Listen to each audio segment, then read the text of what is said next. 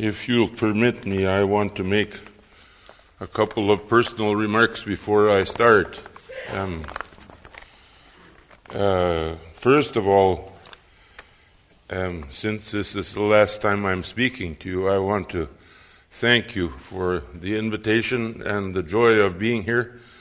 Um, you have become wonderful friends to us through these two years, and we think of you often. We think of these days through the year, and we give thanks to God for each of you, rejoicing in your kindness and in your extension of friendship to us. It's a beautiful thing for both of us to come back to Norway and be received so affectionately, and we we think the world of you for that. So, my thanks to you from dear Carolyn and from me, and we um, we rejoice in you.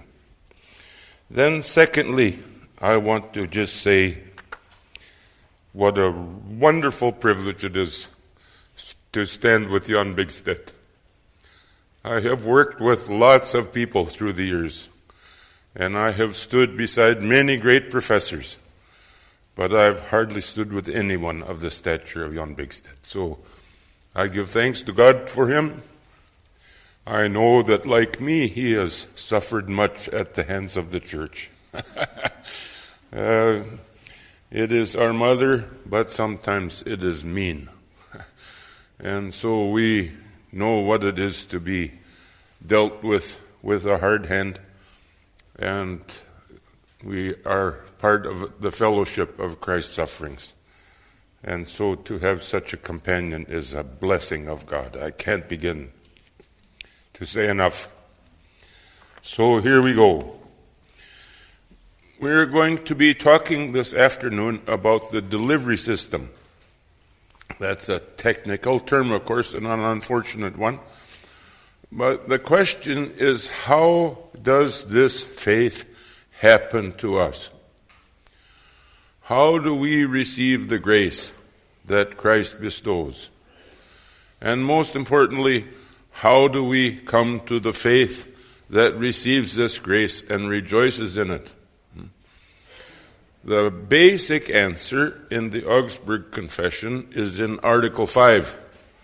Following right on Article 4, uh, as Jan uh, described it to you, in Article 5, um, the, the Augsburg Confession describes the means of grace. Um, this also is an instrumental kind of a term, the means of grace.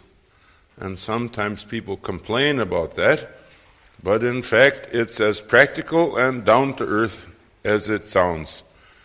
Christ Jesus is going to bring home his gifts to you. And for that purpose, he has instituted means, he has developed methods, he has uh, identified a channel, he has said, This is where you can go to find me. This is where I'm coming to you. This is where you can expect me. And this is where I'm going to deliver the goods to you. This is where I'm going to give you my gifts. So listen to the words of Article 5. To obtain such faith, that is, the faith that justifies, God has instituted the means of grace. That is, the Word and the sacraments. Through these, as through means, he works faith when and where he pleases in those who hear the gospel. He has instituted the means of grace. Through these, as through means, he works faith. And so, we have had the means identified already the Word, hmm, that's the first. The biblical, biblic, biblical word as preached, hmm, and the sacraments, particularly baptism and the Lord's Supper. So that's our agenda today. We're going to go back and begin with Article 2, however, because it identifies some characteristics of the means of grace by describing Christ Jesus. And then we'll, then we'll uh, go to Article 9 and Article 10 concerning baptism and the Lord's Supper.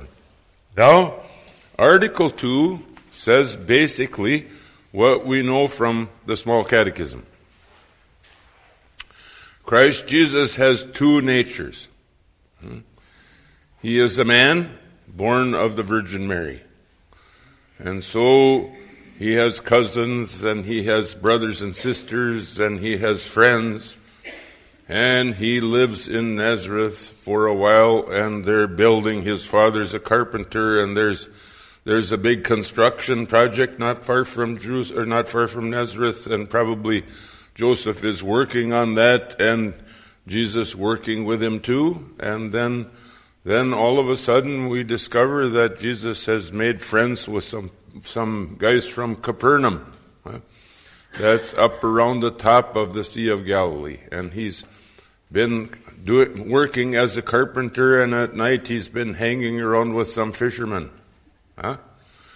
He enjoys fishermen. Huh? So he, he works with these fishermen, and pretty soon he's got four of those fishermen that are following him.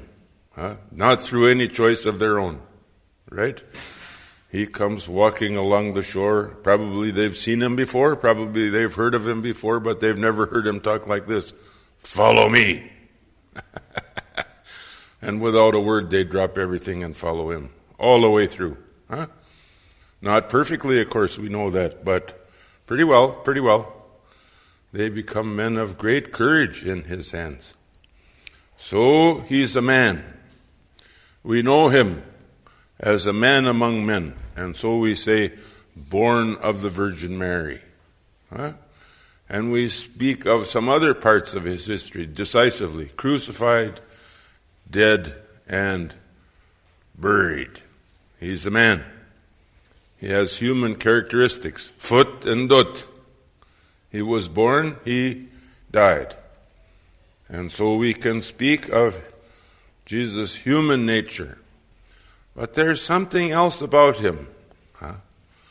Something restless, something difficult to identify, something shining through under the opposite, something, you know, uh, as though his robe parts every once in a while, and we see huh, his leg, and we, but we see that this man is not just some hairy-legged fisherman who's not being careful about his clothes. There's something else going on there. This is there's another nature, and we see this, huh? And where do we see it? Well, we see it mainly in the miracles. it's fun, you know. It's I always am impressed by the fact that one of Jesus' first miracles is hang, healing Simon Peter's mother-in-law. he know he knew where Peter needed a little help, and he knew where Peter would appreciate some assistance. Huh? Mothers-in-law and sons-in-law. My mother-in-law is a wonderful friend, but there's a little bit underneath that I see sometimes. I mean, we, Carolyn and I have been married 47 years, and she, I know my mother in law loves me, but I also know that she's watching.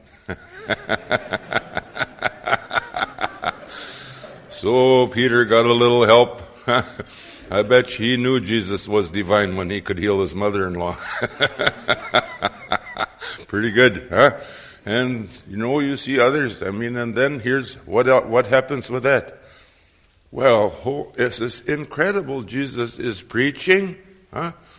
He's standing preaching, and all of a sudden there's a stir on the roof. And he can hear people climbing up there. It's just like these guys that have been tiling the roof across the street from the hotel. You hear them early in the morning. There's a commotion over there. Huh? Well, here these guys are on the roof, and pretty soon they're pulling away the thatch and they've got a hole open and they're lowering this man. I mean, that would take a lot of attention away from the preacher, you would think. Right? I mean, everybody's watching, wondering if this fellow is going to fall. I mean, they, be careful. Somebody says, don't drop him. and they get him down. And what does Jesus say? It's a paralytic. He was no help going down. He was dead weight. And he got down to the bottom, and there he was, unable to move. Jesus walked over to him, and this is what he said My son, your sins are forgiven. Huh? You remember this? Huh? You know this story. It's just great. and of course, the Pharisees are there on patrol watching. Hmm? They don't like this guy. They're nervous about him already. I mean, he's a little rough. Huh?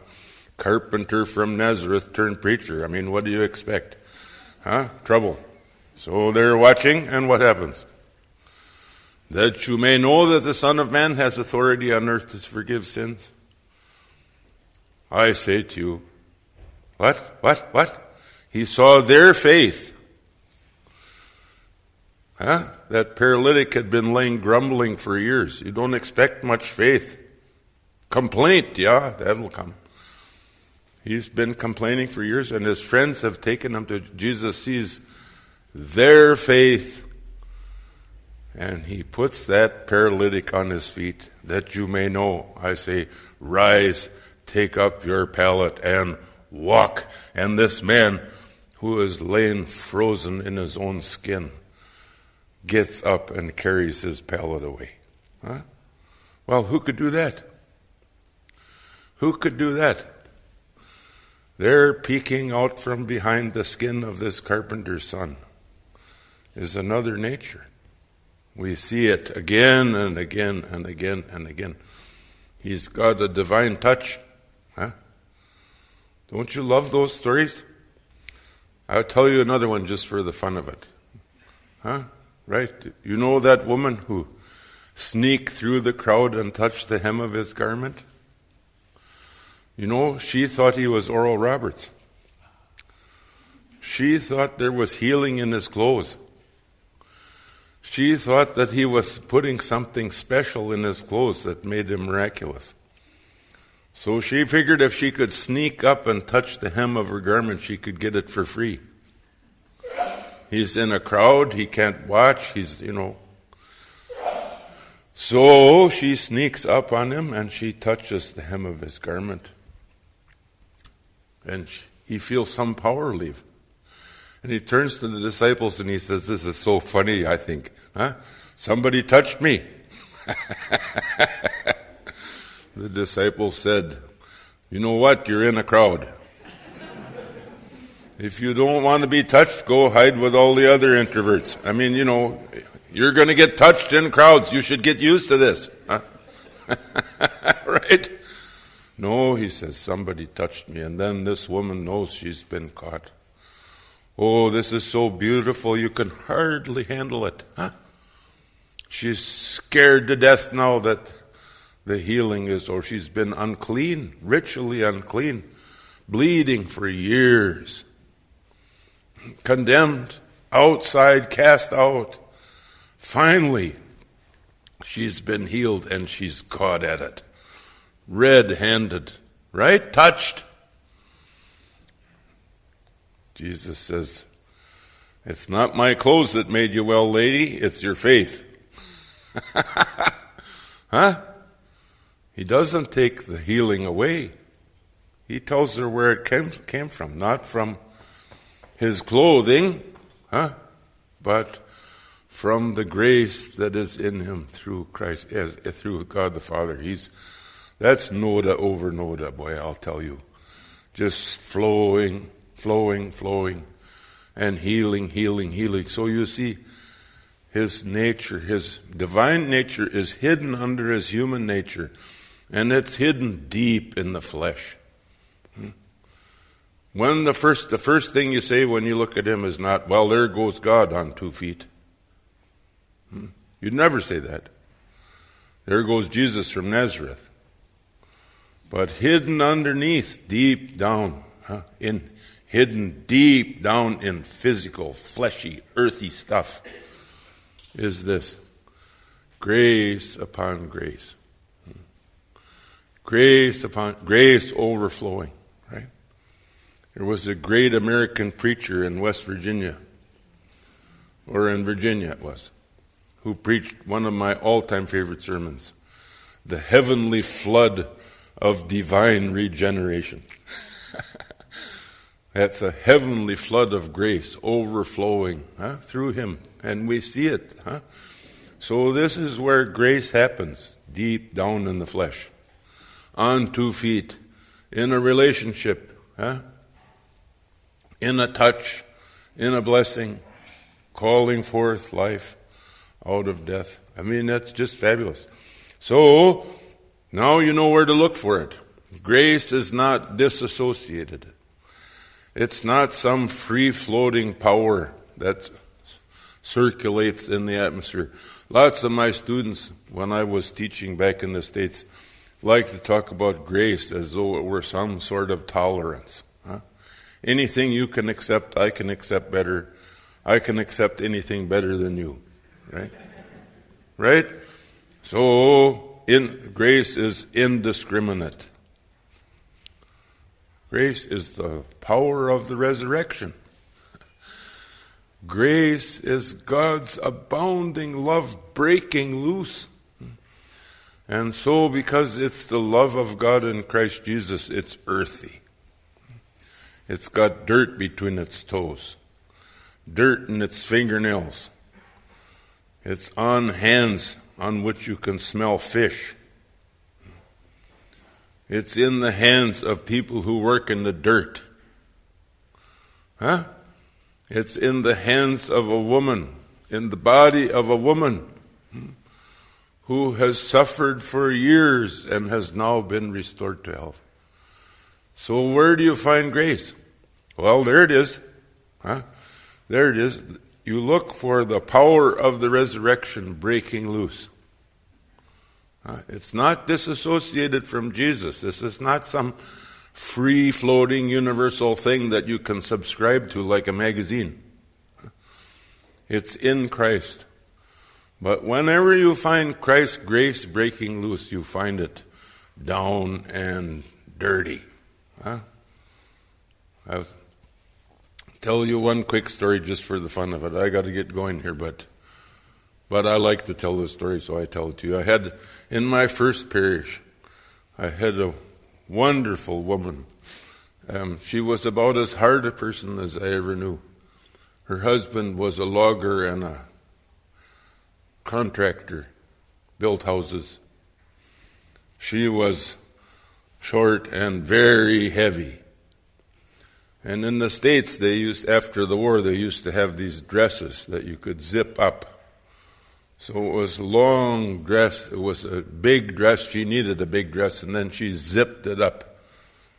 And she would, um, you know, so this was her whole outfit. I never saw her in anything else, except she chain smoked. And they were these little short cigarettes, you know. These it was not. There were no filters. They were short little cigarettes like this and she lit one right after the other. She smoked all day. So that it was coming out her nose and coming out, coming out her mouth, and she. and sometimes she would forget to take it out of her mouth, and the ash would get longer and longer and drop off. And she liked to have condensed milk in her coffee, and she would. Sometimes there were ashes in the condensed milk, you know, and the, I mean. to be a terrible mess. she was so full of faith you couldn't find the bottom of it. Huh? I mean, she looked huh, like a cartoon. Huh? But she was so full of God's goodness, you know. And here I was a young pastor facing my first death. I would go over and sit with her and she would preach the resurrection to me. Huh? Sucking on her cigarette. well, grace is earthy. Huh? It comes to you through means that have hair and teeth. Huh? I mean, we don't recommend smoking, of course, you know that. And smoking cigarettes at the rate she did, you know, even when they were cheap, it made stupid. It killed her finally in the end. I buried her. Huh? Was one of the hardest things I ever did. Jeepers. My heart was just wrenched right out of me. I loved her. I still do, you know, because the message of the gospel was on the tip of her tongue. Huh? Every minute. Well, there you go. Grace comes to us in these ways through the Word and through the sacraments. So, we'll take a look then at the three means of grace. Uh, the first one is the Word. Now, when we talk about the Word, we have to say right away that this is a human word, of course. We don't have any other possibility. It's a down to earth human word, such as the words that carry opinions and news and rumors and curses and blessings and all the rest of it. So it's a incarnate word. It's a earthy word. Huh? You hear it on the lips of a neighbor. That neighbor might be, probably most likely, a member of your family. So when you hear the word, you hear it from somebody you know and love. But somebody who also causes you a little bit of tension and difficulty. It's a human word, after all. And it arises out of somebody that, you know, sometimes when the word arises out of one of your children, or when it comes home through your spouse, or when it comes home through somebody you love, then you see all the beautiful qualities of the word, but sometimes it comes from people like my old friend with the cigarettes. It smells of tobacco. Huh? It stinks. Huh? There's condensed milk stains around the edge of it. Huh? Instant coffee. Oof. Huh? I mean, if the good Lord can use instant coffee, anything is possible right? I mean, that's, huh? I mean, that's uh, some things that I hate. Instant coffee, margarine, that's another one. Nylons, ish. I mean, uh, you know, false things. well, here, near beer, that's another one. I mean, you know, here, if the God can use such things, then God can use anything. And so, God comes to you, first of all, on the lips of your neighbor. That neighbor may be somebody you love dearly in your family. It might be somebody that you're sick and tired of. I'll tell you a story. I had a student who had been a long distance truck driver in the U.S. He was a hard man. He'd been he had covered the whole USA driving trucks and he had the vocabulary to go with it. He was a little rough. But he was he just loved Jesus, you know, and you couldn't get him off the gospel with a pick. And so he was always, you know, he got to be a nuisance sometimes, you know, because he was he'd come into my classes and start testifying. I just loved it, but it had to get done, you know. so I was over in Israel with my father-in-law and Carolyn and her mother in 1980, and here in the middle of the night, the telephone rang. so I picked it up, and the first words that I heard were, Christ is risen. He will raise you from the dead. He will never let you go. He will never fail you. Well, I recognized the voice, and I wondered what this phone call was going to be. And then he told me that the son of a man on our trip who was a hog farmer had been killed. They had opened the sewage disposal system and he got a full whiff and the chemicals killed him instantly. So it was my job in the middle of the night in Haifa to go to this man in his late 40s and tell him that his son was dead. So here was my student. He knew what I had to do. And he wasn't going to let me go until he had preached the gospel to me. and he preached for about five minutes. And he said, Are you ready yet? I said, I could use a little more. he preached some more. And then I had to go and tell this dear man he was big, bigger than me by quite a bit.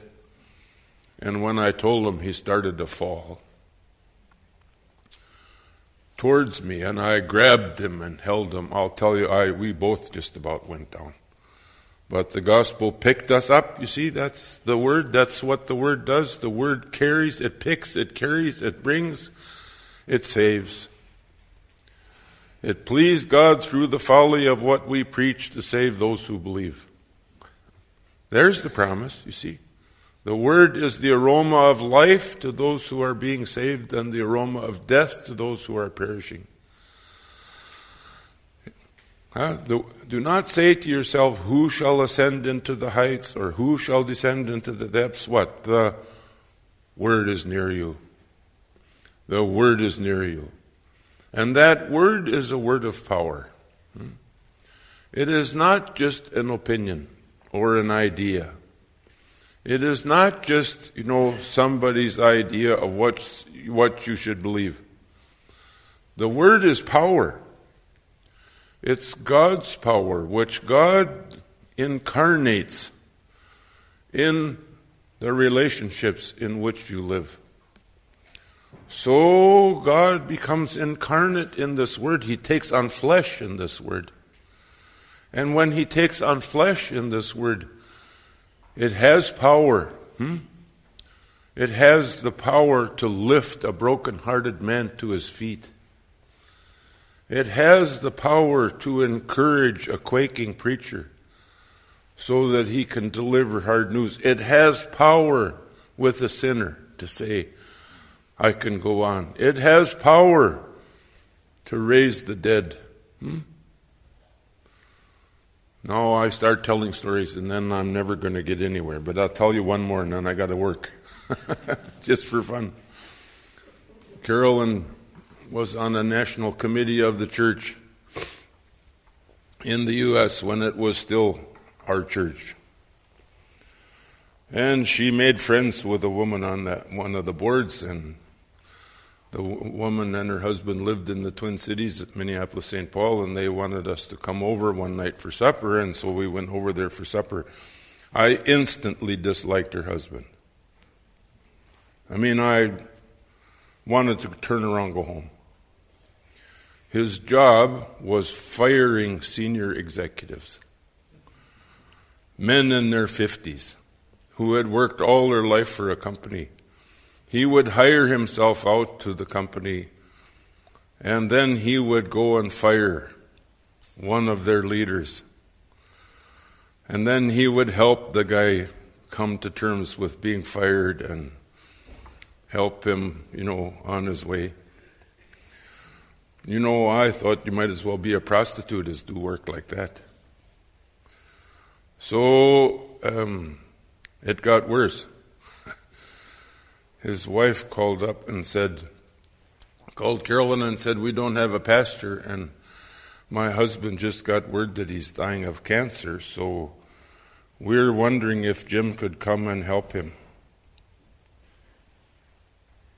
Well, you don't say no to something like that. You can't. I didn't do it because I wanted to. So I went to see him. He was the most introspective man that I ever knew. He was watching himself die, little by little. And I would go over and sit with him, and he would tell me of his progress towards death. It was hard to take. But you know how it goes. I started to like him. We became friends in spite of it all. And when we came, when it came to the last, I was teaching at a church in Minneapolis, and they called during the class and said, "You have to go straight to the hospital. He's in his last minutes." So I went running over there. You know how it is with a death like that. You can hear it in the lungs. It's like somebody's drowning. You can hear hear it coming up in the lungs, and I knew pretty much where he was. So I sat with him, and when when it got toward the end, I picked him up out of the bed. I picked him up in my arms, and I looked him straight in the face, and I said, "David." The next words you hear will be Christ Jesus calling you out of your grave. He looked me in the eye. He worked and worked to get his eyes into mine, and then he said, I love it. I love it, he said. and he died just like that. Well, that's the power of the Word, you see. That's what the Word will do. That's what the Word does do. It takes hold of a dying man's heart. Huh? It takes hold of us right where we are, and it incarnates itself in us. So that we're carried along, carried along by God's power through the Word, incarnate in a friendship, incarnate in a relationship. We hear it in preaching, of course, there the text comes to life. We hear it in the life of the congregation, in the services that are carried on. We hear it, you know, from friends. Dear Carolyn and I sit and have devotions in the morning and we hear it from one another. I love that. That's, I think that's the best. When she says it, I know I have no alternative but to believe it. Huh? I mean, that's, of course. It's just perfect. So, we hear it, but we hear it most of the time by accident, in passing. We overhear it. We hear somebody saying, we hear somebody tells us, somebody comes, somebody says. Huh? And in that hearing, in that hearing, faith is sustained, faith is kept, faith is maintained. We, we hear it and we have no alternative to, but to believe it. We hear it and we rejoice in it. We hear it and it's working. Doesn't always happen that way. Sometimes we hear it and say, oh shucks. Sometimes we hear it and we wish we could hear more. But it pleased God through the folly of what is preached to save us who believe. Huh? That's a promise. And so, if you wonder, huh? If you wonder if Christ has any use for you, hmm?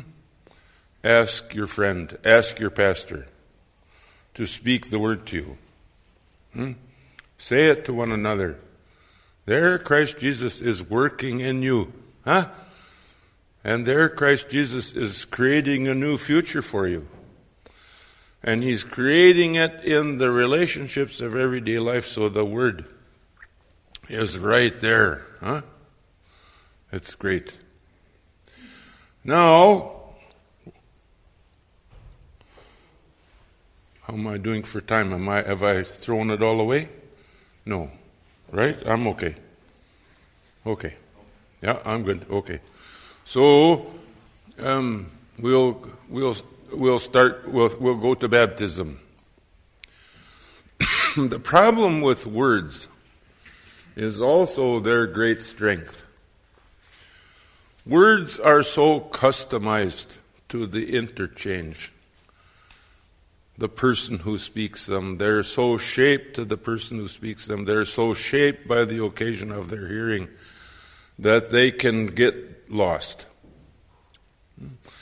Their power emerges there, also their vulnerability.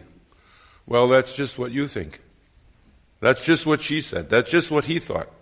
You see, the devil attacks the word with power to undermine it. So Christ Jesus has arranged for two external events. Hmm? Um, I should say two and a half, really, but we'll talk about two. Um, he's arranged for baptism. In baptism, he speaks his word with a washing, with water. Now, I suppose you could think of something better than water, right? You know, water covers all, you know, all but a little share of the world's surface. Water is as common, but that's just what Christ Jesus loves. I mean, he, he loves this common, down to earth stuff of everyday life. A glass of water, a bit of water. And so we're commanded to use water. And water with God's Word. So what do we say? Baptism is not water only, right? That's, of course, what the Baptists think. That it's water only, that this is just a ceremony, a celebration of some kind. It's what Lutherans do to make, feel good about their kids. Baptism is not water only, but it is water used together with God's Word and by God's command. It's God's Word that makes the water effective. So, in baptism, the pastor, the one baptizing, speaks the word with the washing. I baptize you hmm, in the name of the Father and of the Son and of the Holy Ghost. Now, there's all kinds of monkey business about how much water. You know, when you don't have a spigot, a river will do. And if you're going to baptize babies in Northern Europe, you don't take them down into the river. I mean, you're supposed to survive your baptism in at least one way, right? I mean, you know, we don't have, we don't want to post a death rate for baptism. I mean, if you can find some warm water and you got a lot of it, that's better. But in Bergen in the winter, I wouldn't recommend dunking, actually. Huh? I mean, that's, you're not going to have a very high survival rate. Right? Better to use just a handful of water. Right? That's the reasoning. So, baptism is water used together with God's Word. And so, as the pastor washes the baby, the pastor speaks the Word. I baptize you, you, you, you, by name, in the name of. So, your name is now linked with God's name. You are baptized in God's name. In the name of the Father and of the Son and of the Holy Ghost. No substitutions allowed. You use, in baptism, we use the triune name. God's whole triune name is attached to the baby. If they want to fool around in the church in Norway, that's their problem. Huh? Pretty soon, in the ELCA in the U.S., they'll be baptizing in the name of the monkey, the snake, and whatever else they can find. But we baptize in the name of the triune God. Hmm? He commanded it. He's signing his name to it. So, I baptize you in the name of the Father and the Son and the Holy Spirit. Now, because God's Word is here, because God has commanded this, we can ask an impertinent question What's in it for us? What are we going to get out of this? Hmm? What, what does God give us? That's Luther's question. What are the benefits of this sacrament? Now, just listen to this. In baptism, God forgives sin, delivers from death and the devil, and gives everlasting salvation to all who believe what he has promised. Hmm? How's that for a benefits package? Hmm? In baptism, huh? This is why Peter says in, in 1 Peter, baptism now saves you. Hmm? Baptism now saves you. All the gifts of salvation are here. So you're baptized into the forgiveness of sin. You're baptized into it. That means forgiveness is not something you have to go and get after you've done something stupid. You are baptized into the forgiveness of sin. So that's the conditioning in which your life is held. Your life is held in the promise of forgiveness. So that forgiveness not only clears out the past, but opens up the future. Huh? You know what that's like to be with someone you really love. You know, there are some people, if I sit with them, I know that if I make a mistake, I'm going to get it near. But with my oldest and dearest friends, we sit together and I say something that I shouldn't say, and they say, You haven't improved a lot, have you? And then they laugh. Huh? The forgiveness is in the conditioning of the relationship. Uh, the forgiveness is incarnate in the relationship.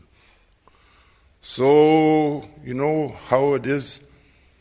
We worry and worry and worry about whether we've done something wrong, and then huh, I say something and I hear this. Don't even think about it. Don't worry. Huh? That's love. You see? And that's baptism. That we're baptized into the love of Christ, which upholds us and sustains us and carries us along. And so, with the word being spoken and the washing being accomplished, we can look to Christ Jesus and we can say, Thank you. Because all the benefits are there. So, when you come to death, when you come to the last moment, huh, your fate will not be written in the winds. Your name is written in Christ's hands. Huh?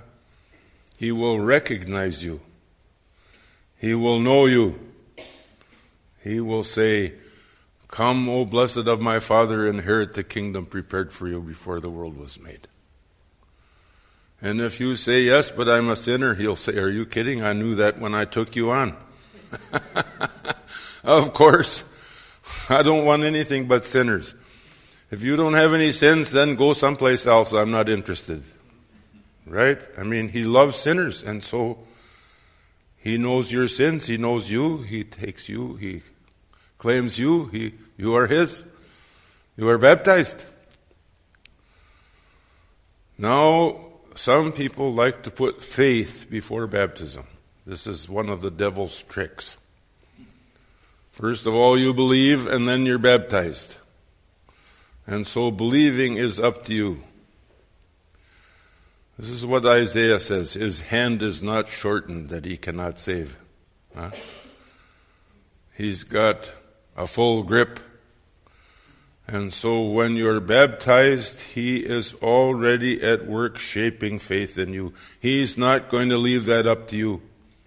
He's not going to leave your faith up to you. Not for a minute because he knows Peter and he knows Paul and he knows Adam and he knows Eve and he knows all the whole history. Huh? Rahab and Orpha and Ruth and Amos and Hosea and all of them. He knows every last one of them, including you. And this is what he knows undependable. Bad bet short chance. Huh? He's not going to leave your faith in your hands. Never for a moment. Hmm, it's like being in a magnetic field. He's working all the time. He's working all the time, and He's working to create faith in you through the Word, through baptism, so that in moments of deep temptation, when you're in the dark, when you're at the bottom, when you don't know where to turn, you can say this I am baptized. Just as Luther did. Huh? You can say, Leave me alone. Christ made a promise to me. Once, some years ago, I went through a time of deep deep temptation where I was just beside myself. I was teaching at a little seminary in Oregon after I retired, and Carolyn was home. That was a mistake. She was working in St. Paul, and so I was out in Oregon by myself. And I was going home to bed alone. You know how that works. I mean, the devil always attacks in the dark. And then all of my sins came marching before me one by one, real and imagined. Huh? This is what the devil does, of course. He blows up the balloon so the smallest thing looks huge and imposing. And I was nearly dead of repentance. I could hardly. I was repenting, is what Luther said, always doing penance and never coming to repentance. I mean, I was just beside myself with grief. And then the word came on Carolyn's lips, on the lips of a neighbor Christ is for you, Christ is for you, Christ is for you. And then all of a sudden, I could hear splashing. I am baptized. Can you imagine? I mean, there's the promise applied to you. So we cling to this, we cling to this.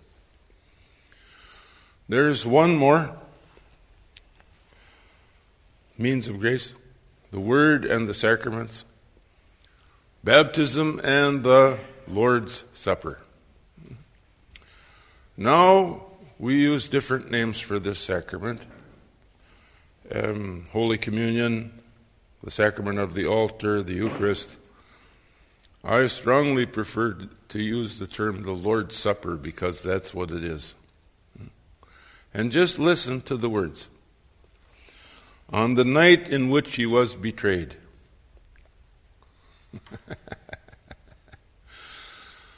On the night in which he was betrayed, he finally caught up with his betrayers and he said, I'm not having disciples like you. Get away from this table. On the night in which he was betrayed, he said, We're going to have to get better selection processes than this. We're, we're going to have to have a new committee to evaluate our candidates. I mean, a scurvy lot like you just, what chance do I have? On the night in which he was betrayed, he said, I can take anything except betrayal. You're done.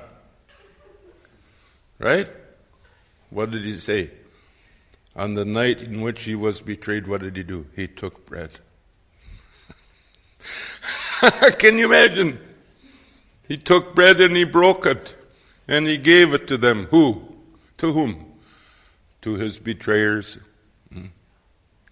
one of you betrayed me, he said. Well, he was being optimistic. it wasn't one. the whole lot of them. They all forsook him and fled. Every last one. And when he was raised from the dead and came and knocked on the door in Jerusalem, they were piling things in front of the door, hiding under the table, pillows over their head. They were just desperate to get away. It was so bad he had to go right through the wall. I'll bet you there was a laundry bill. I'll bet you. I mean, no. I'm, they all forsook him and fled. They all betrayed him. He took bread and said, This is my body given for you. Huh? And he took the cup, and having given thanks, he said, This cup is the New Testament in my blood, shed for you and for many for the remission of sins. These are the betrayers at the table. And already the word of forgiveness is being administered to them in the cup. I mean, this is Christ Jesus who loves his enemies and died for his enemies and can't eat without having enemies at the table. Of all the passages in Scripture, I love this one the most. He prepares a table before you in the presence of your enemies. Hmm? What a place to set the table. If you set the table in the front, in the, in the front of your enemies, what's going to happen? You will lose the silverware, the meal, the tablecloth, and probably everything else that's not locked down, right? Your enemies do not wish you well. Hmm? They're going to take whatever isn't locked up. Hmm? But this is Christ Jesus. He he loves to do this. He loves to show off a little bit. Huh? I mean, he loves to be merciful. right in front of his enemies, right? to do just the opposite of what they'd expect. Oh, that's the Lord's Supper. So Sunday by Sunday by Sunday you come, right? You know, as I said the other day, I know that Gustav Wingren did not end his life with distinction. But he was my teacher and I loved him. He hadn't gone bad yet, I don't think. But he used to say this if you want to see Article 4 of the Augsburg Confession, watch the sinners lining up to come and receive the sacrament. Hmm? Watch the congregation line up. There are all kinds of sinners there. There are proud sinners, there are humble sinners, there are wanton sinners, there are sinners in need of repentance. They're all lined up. And when they get to the table, this is what is said to them The body of Christ given for you, the blood of Christ shed for you. Hmm? So here's the promise being renewed, and the promise being granted, and the promise being embodied. The president of our congregation in Oregon is a hard bitten alcoholic who's been in recovery for 18 years. He drank heavily for 17 before the good Lord caught up with him and started to dry him out. The council has elected him to help administer the sacrament. So when I come to the sacrament, he, he administers the cup. And he always says the same thing to me the blood of Christ, even for you. I love that. Hmm? Even for you. Huh? Well, for each of you. Even for you and the body of Christ as well, even for you. He loves sinners, and He's called you to the table so He can feed you on Himself. And so bless you, and so shape your life, and so make you what He's hoping that you will become. More than hope, He's crafting a new person in you through the means of grace, through the Word, through the baptism, through the Lord's Supper, He's creating in you. Now, let me just skip to the half. That's confession and absolution. Hmm. Um, at the beginning of the Reformation, Luther thought it was a sacrament. And the fact he, in fact, he begins one of his essays on the sacraments and says there are three. And by the time he gets to the end, he's decided that confession and absolution is not a sacrament because there's no physical means. So then he ends with two. Unfortunately, the first half of the essay was in print before the essay was finished, and so it starts with three and ends with two. lots of fun. But conf- many of you know that confession and absolution, if it's not a sacrament, can certainly be sacramental. Hmm? And I commend it to you. Because you have opportunity then to disclose before your pastor something that is troubling you, that has been hanging on and torturing you.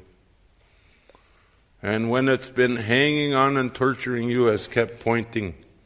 Now you have a time, you have opportunity to confess this. Hmm. And now you have opportunity to confess this in the presence of a pastor who is protected by the law from ever having to disclose what has been heard. Hmm? I don't know how the law is in Norway, but it's been common law in the in the Western world that this pastors are protected.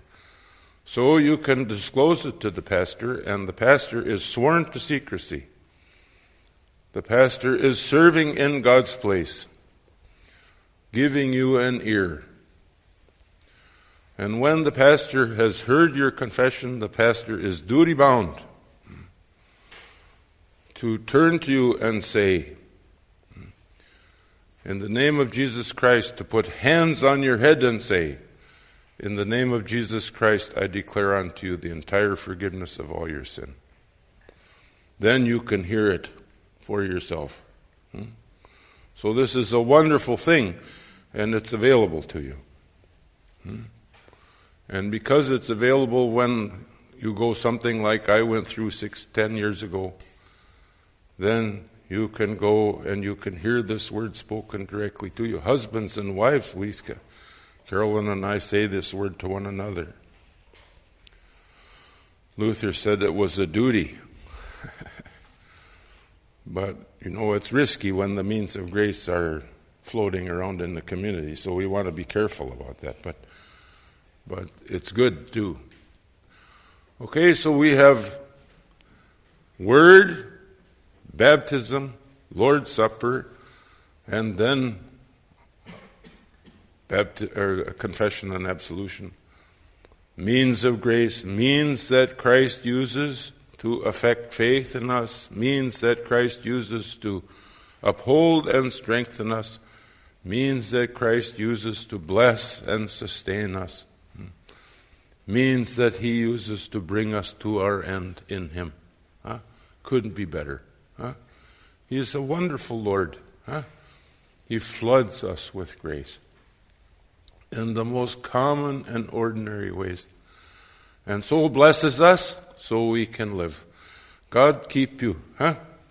God be with you and all of you as you go to your homes now tomorrow. And I look forward to saying goodbye to each of you as we are turning our faces back to the west. We're going to go up to Tromsø on the Hurtigruten so that we can float for a while. Huh? And then we're going to turn around and fly back to Minnesota, or to Oregon rather. We'll get to Minnesota in time for the cold part of the year. So we'll see you, see you again. God's peace.